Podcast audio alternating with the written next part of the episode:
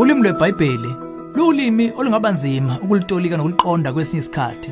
Lugcwele ingathekiso, imifanekiso nencazelo ezididayo.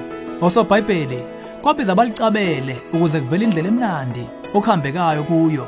Ngokokuthi usuke eqonda ukuthini uNkulunkulu kubantwana bakhe. Okuyinto engathatha isikhathi eside thina ukuba sinqakuzisa amakhanda ngayo. Lolu chazo lweBhayibheli ngobudlelwane bukaNkulunkulu nomuntu obunyamanye obuqhathaniswe nobomshado kusetshenziswe ulimi lwenkonzo yekamero.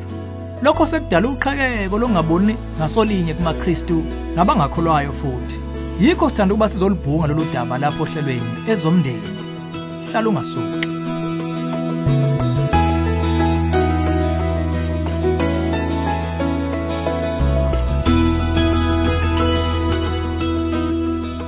Ake ngikubingelele emlaleli othandekayo. Ezomndeni uhlelo kulethela izeluleko eziphathekayo ngaba ka focus on the family. Sithola umbuzo oshushanayo kumzana okhathazekile. Othe umshado nenkonzo yekamero ngakube imfanekiso efanele yini ukuchaza ngobudlane bethu noNkulunkulu? Ngesikhathi ngifunda umbhalo obungomshado obuKristu, ngizithele enkulumeni ehlasimulisayo. Umbhalo uqale ngokuqhathanisa ubudlelwane boluntu nobenkosi kubantu. Bese aqhubeka athi kumele sishade noNkulunkulu. Besaza phakamisa ukuthi kulobu bunye uKristu utshala izimbewu zokomoya. Kithi kuze sizalo okusha empilweni entsha. Ngikuthole lokho kuulimi lezocansi kakhulu oluyisidadada noludidayo futhi olwehlisa isithunzi sobuNkulunkulu. Okunye phela ukukhuluma ngebandla liwumakoti kaKristu. Kube ngokunye futhi ukuthi sikwazi ukuxhumana ngokwaleli zinga lobunyamanye noNkulunkulu. Amasulumane amaningi abukhahlela ubuKristu ngazo kanye lezi izathu. Ayacabanga ukuthi uma sikhuluma ngoJesu njengendodana kaNkulunkulu, siqonda ukuthi uNkulunkulu Baba waba senkonzweni yekamero noMaria. Akumele senze konke esingakwenza ukuvimbela lokho kungezwakali kahle. Siyabona yakushukumbisa le ndaba. Okugcina esingakwenza ukubeka imigoqo kunoma yiphi indlela kabani ngokusebenzisa uhlahlo loluntu ekubukeni kumbe kubekeni ubudlelwane bethu noNkulunkulu. Le nqubo ibuye ibizwe ngokuthi ukuqhathanisa nendalo ongaba izilwane. Ibuye ibe nobungozi ngokwemfundiso yezwi. Uma sizoyisebenzisa kumele siyisebenzise ngokuqikelela.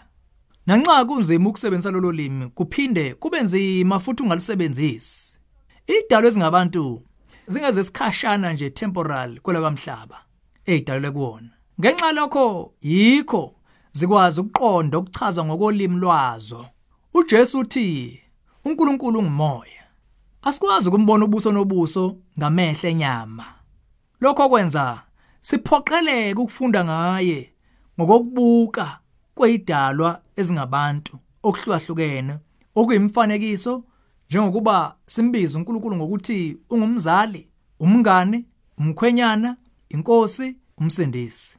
Umshado nomqondo wenkonzo yekamero kungaba usizo kulolu chazo ngenxa yobuncane bomqondo womuntu. Uma kusetshenziswe kahle, kungaba imfanekiso enqala ngobudlelwane bekhola noNkulunkulu nebala. Zinakho ongefike ngqongqongqo ngokochazo. Yebo, nanxa kunjalo, iBhayibheli ibeka ngalendlela.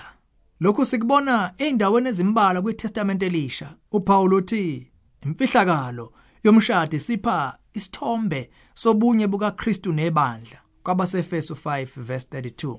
Bese noJohn afona isiJerusalem elisha nomakoti ehlotshisela umnyeni wakhe. Isambulo 21 verse 2. Thola futhi okuntonye naseTestamenteni elidala. Ababhala abaningi beTestament elidala bachaza uthando lukaNkuluNkulu analo ngabantu bakhe ngokungathi olomshado. Kuze kungapheli lapho ngisho bafanisa nolwemizwa yemvelo yenkonzo yasekamerweni. Awukubheke nje kuHezekeli 16 Hosea 1 kuya ku3 Isaiah 57 8 kuya ku9 nebala nesihlabelo sezihlabelo sisonkana simbeka kanjalo uNkulunkulu ngenxa yomqondo wethu. Ngokoqobo asikuthathi lokhu kuchaza ukuba sinobudlane benyama siqu ngokwenkonzo yekamera noNkulunkulu njengokuba abenkolo yeMormon bekusho ngokwentombi into uMaria lokho ngayingcaphepho uqobo. Phela ulimo olunkondlozayo lolu kulula ukuba abanye bawele kulesi sikhisi. Leso sizathu ke asinakwenza ukuba siwaphika amazwi ezibhalo asikwazi futhi ukuze phuca ingcebo yemfanekiso yezwi. Kunalokho kungcono ukuzipha isikhathi ukuqonda uqobo lwalemfanekiso edwetshwe ngamazwi kulabo abasenokudideka sikhuthaza ukuthatha lolu daba ulumunye nomfundisi wakho. Kumbe umngane ongumKristu othembekile ocacelwe imfundiso zezwi. Ukhuleke ngalo futhi. Ucela uNkulunkulu akusize ukuqonda lamavesi lolu hlelo ezomndeni ulethulelwe yifocus on the family sihlangabezwa hlelo luzayo sesihlabelisa phambili umndeni.